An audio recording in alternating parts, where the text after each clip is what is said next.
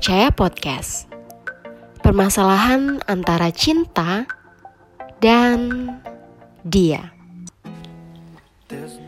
Halo semuanya, kembali lagi sama aku Ica di episode kali ini yaitu Toxic Relationship. Sebelumnya aku akan bahas tentang apa sih toxic relationship itu sendiri. Oke, okay. yang pertama kita bahas mulai dari kalau dalam KBBI, toxic artinya racun, yang berarti racun itu mematikan. Jadi bisa kita simpulkan bahwa makna toxic ini sendiri udah buruk dari awal. Tapi toxic relationship ini mungkin ada beberapa orang yang mengira kalau toxic relationship ini hanya terjadi dalam sebuah hubungan percintaan atau pacaran. Tidak guys, jadi toxic ini bisa aja toxic terhadap lingkungan, teman, keluarga, dan lain-lain. Jadi nggak harus pacar. Tapi mungkin kali ini kita akan fokus ke satu relationship yaitu tentang seseorang dengan orang lainnya atau dua orang yang sepakat membangun komitmen dan terjadilah relationship. Nah, jadi teman-teman, toxic relationship ini dapat dimaknai secara sederhana sebagai sebuah hubungan yang tidak harmonis, di mana salah satu pihak atau bahkan semua pihak yang terlibat dalam hubungan itu menyakiti satu sama lain, baik secara fisik maupun mental. Mengapa sih dikatakan semua pihak?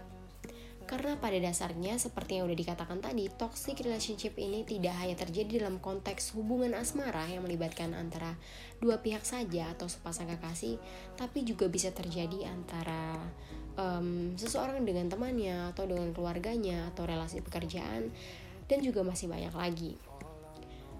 Toxic relationship ini dapat memengaruhi kesehatan mental seseorang. Aksi dan reaksi yang terjadi dalam sebuah hubungan toxic relationship ini dapat memengaruhi kondisi psikis seseorang yang terlibat dalam hubungan tersebut. Misalnya nih dalam konteks hubungan asmara.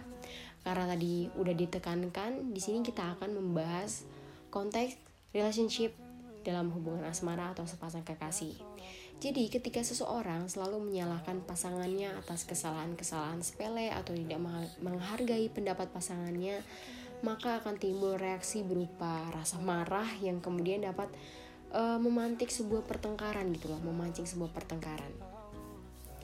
Dan pertengkaran biasanya terjadi karena kedua pihak tidak bisa mengendalikan emosi dan ego masing-masing. Namun ada juga satu kondisi di mana salah seorang pihak memilih untuk diam namun memendam segala emosi dan menjadi makan hati karena tidak ingin memunculkan pertengkaran tersebut kan. Akibatnya akan ada pihak yang menjadi lebih submisif dibandingkan pihak lainnya. Ada sebagian orang yang merasa takut dan mengalami konflik batin terhadap pasangannya akibat terlalu sering dimarahi atau dikekang dalam hubungannya tersebut. Sejatinya memang ada banyak orang yang terjebak dalam toxic relationship ini sendiri. Namun, seseorang tersebut mungkin tidak berani untuk mengakhiri hubungan tersebut, tidak ingin memperkarakannya, atau bahkan tidak menyadari bahwa ia sedang dalam hubungan yang tidak sehat.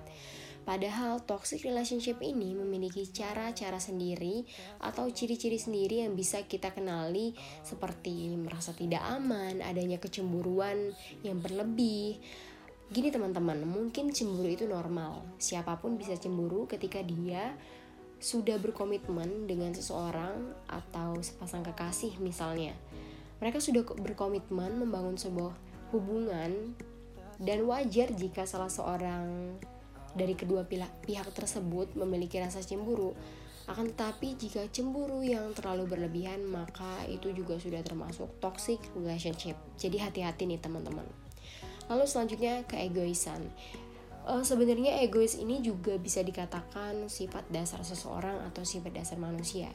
Seorang juga bisa atau pasti uh, mempunyai um, sifat egois ini sendiri, tapi tentu saja hal tersebut masih harus dibatasi atau masih ada batasannya. Lalu selanjutnya adalah ketidakjujuran. Uh, sebenarnya gini teman-teman, ketika seseorang dan seorang lainnya atau kedua belah pihak yang sudah sepakat membangun sebuah hubungan dan mereka berkomitmen, menurut aku pribadi, mereka harus menekankan prinsip dalam hubungannya karena ini adalah kunci. Tapi mungkin tergantung ya, ada beberapa orang yang ya udah menjalani sebuah hubungan ya udah aja gitu. Nggak ada prinsip komit juga ya udah sebagai kayak formalitas. Dan gak terlalu menekankan nilai-nilai yang seharusnya ada dalam di dalam sebuah hubungan. Seperti misalnya ketidakjujuran. Karena dalam sebuah hubungan kejujuran itu sangat penting sih. Kalau menurut aku pribadi juga jujur itu sangat penting. Karena seperti pengalaman aku sendiri atau mungkin kalian yang saat ini mendengarkan podcast ini ketika kita sudah percaya kepada seseorang dan kita dibohongi atau kita dihianati tentu saja itu adalah hal yang membuat kita sangat marah, kecewa atau sangat kesal mungkin terhadap pasangan kita seperti itu. Lalu selanjutnya sikap merendahkan. Nah gini teman-teman, balik lagi dalam sebuah hubungan itu tentunya kita sudah komit, kita juga menjalani tentunya kita ingin mendapatkan feedback yang baik dari pasangan kita. Dan ketika kita mendapatkan perlakuan yang tidak baik seperti contohnya sikap merendahkan ketika kita melakukan sesuatu yang mungkin um, dinilai jelek atau sedikit aneh dari pasangan kita lalu mungkin muncul dari dia sikap merendahkan atau seperti apa yang seharusnya tidak dilakukan oleh pasangan tersebut Lalu selanjutnya memberi komentar negatif. Gini loh teman-teman, ketika kita dihadapkan dengan sebuah hubungan, tentu saja pasti ada kesalahan-kesalahan, tentu saja akan ada permasalahan-permasalahan, tapi ter, itu semua tergantung bagaimana kita yang menjalani. Karena gini loh, ketika kita salah dan kita malah diberi uh, diberi sebuah komentar yang jelek atau komentar negatif, tentu saja itu uh, semakin membuat kita terpuruk dan membuat kita down.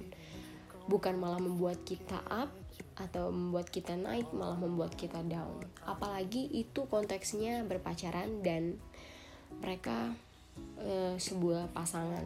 Tentu saja itu uh, memberikan apa ya feedback yang jelek untuk pasangannya. Ya tadi bisa jika mungkin sekali-sekali dimaklumi tetapi jika kesering terjadi maka hal tersebut bisa menjadikan atau merusak mental dari seseorang tersebut lalu selanjutnya adalah tidak ada apresiasi jadi gini teman-teman, tidak ada apresiasi, apresiasi mungkin gini.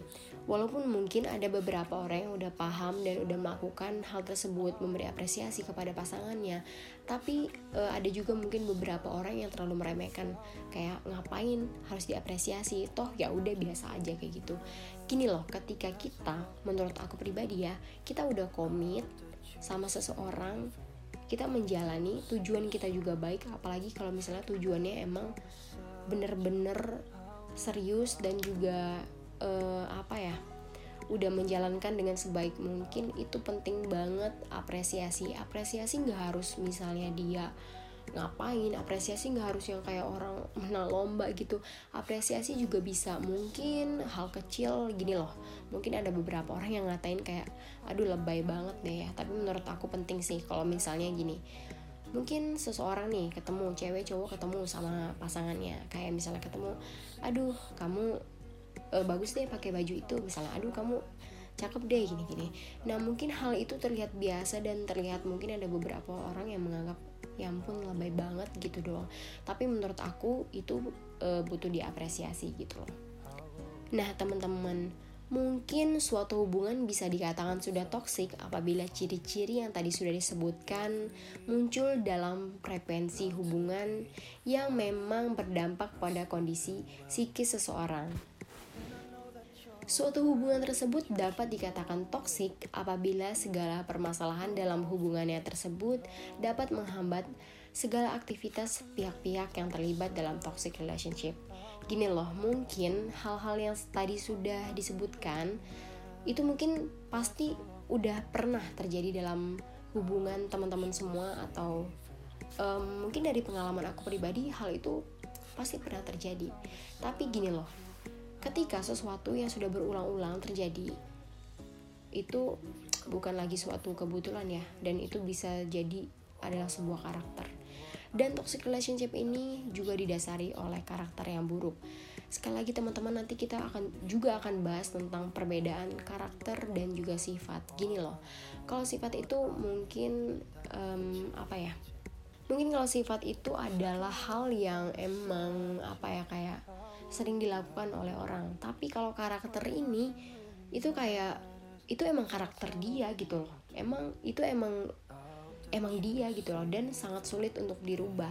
Nah toxic relationship ini sangat uh, punya ikatan dengan karakter yang buruk yang dimiliki oleh seseorang. Dan faktanya teman-teman, hubungan seperti ini banyak terjadi.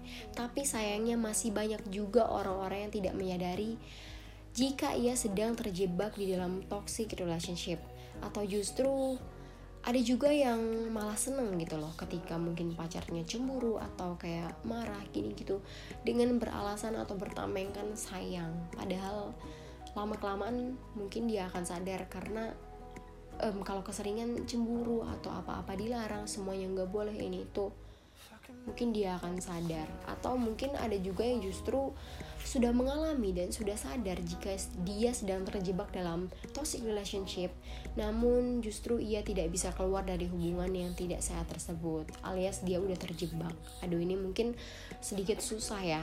Apalagi kalau dengan alasan lagi dia udah sayang. Kadang ada orang yang udah disakitin, udah tahu sifatnya buruk, gini gini gini dan ketika seseorang atau pasangannya yang udah ngelakuin hal buruk tersebut baik lagi ke dia, mohon-mohon lagi ke dia atau bahkan mungkin sampai nangis-nangis mohon-mohon untuk hubungannya tersebut bisa bertahan. Hmm, mungkin pasangannya akan luluh lagi ya. Kita nggak tahu, tapi kebanyakan dari apa ya? dari yang aku tahu dari cerita-cerita orang terdekat aku atau juga cerita-cerita orang yang uh, sering aku tahu seperti itu jadi ketika seseorang kecewa dengan pasangannya karena udah berbuat buruk atau berbuat jelek dan pasangannya tersebut mencoba untuk memperjuangkan kembali kemungkinan besar dia akan menerima pasangannya. Nah teman-teman toxic relationship ini tentunya udah ditekankan ber berkali-kali sangatlah tidak sehat. Apalagi jika hubungan tersebut udah terlanjur menjadi suami istri Itu udah parah banget. Kalian ngebayangin gak sih buat kalian teman-teman semua yang saat ini um, masih pacaran nih sama pasangannya? Um, Kalian pernah mikir gak sih kalau pasangan kalian yang saat ini dalam kategori kalian tersebut adalah pasangan yang berada di dalam toxic relationship lalu kalian suatu saat menikah yang di mana notabene nanti kemungkinan besar karakter pasangan kalian yang buruk itu akan tetap seperti itu sampai nanti kalian menikah kalian kebayang nggak? Kalian setiap hari mungkin akan ribut besar yang sampai gini loh teman-teman. Kalau misalnya orang kalau misalnya orang nih udah berani ngomong kasar kayak gitu ada kemungkinan besar juga dia nanti bisa main tangan. Karena ini kaitannya menurut aku sendiri sangat dekat ya kayak dia ngomong kasar aja tuh kayak gampang banget. Mungkin sekarang yang kalian tahu dia cuma bisa ngomong kasar doang tapi dia dia kan cuma ngomong doang kayak gini. Dia nggak akan berani kok main tangan. Itu mungkin dia nggak ada kesempatan buat ngelakuin itu sama kamu. Dan ketika dia ngerasa kamu milik dia sepenuhnya nggak ada yang tahu kalau dia bakal semau dia memperlakukan kamu dengan sesuka hati dia kalau dia sedang emosinya sedang tidak stabil atau benar-benar memuncak. Atau ketik mungkin kamu cuma ngelakuin kesalahan dikit aja dia udah separah banget marahnya. Sedangkan kalau orang normal kalau e, misalnya orang normal bisa aja. Kalau misalnya ada masalah dia mungkin baik-baik nggak harus sampai marah-marah gitu. Nah jadi teman-teman untuk kamu atau untuk teman-teman semua yang saat ini mungkin lagi mencerna nih. Aduh kira-kira gue lagi berada dalam toxic relationship enggak ya? Atau aduh sekarang ternyata gue dalam toxic relationship nih. Coba kalian pahami lagi kalian juga harus lebih ngerti lagi tentang karakter pasangan kalian karena balik lagi dari awal udah ditekanin. Karakter itu adalah sesuatu yang emang udah dibawa sejak masih kecil mungkin dan karakter itu sudah melekat dan sangat sulit untuk dirubah. Kalaupun bisa, mungkin akan susah. Karena kita nggak bisa juga kayak memustahilkan sesuatu tapi pada kenyataannya karakter itu akan sulit berubah pada diri seseorang. Apalagi kalau dia melakukan itu emang namanya juga karakter dan dia melakukannya terus berulang-ulang dan apalagi kalau kalian yang sudah mendapatkan sesuatu perlakuan dari seseorang yang bukan hanya secara mental kalian terganggu tapi juga secara fisik itu kalian benar-benar harus meninggalkannya atau menyudahi hubungan tersebut.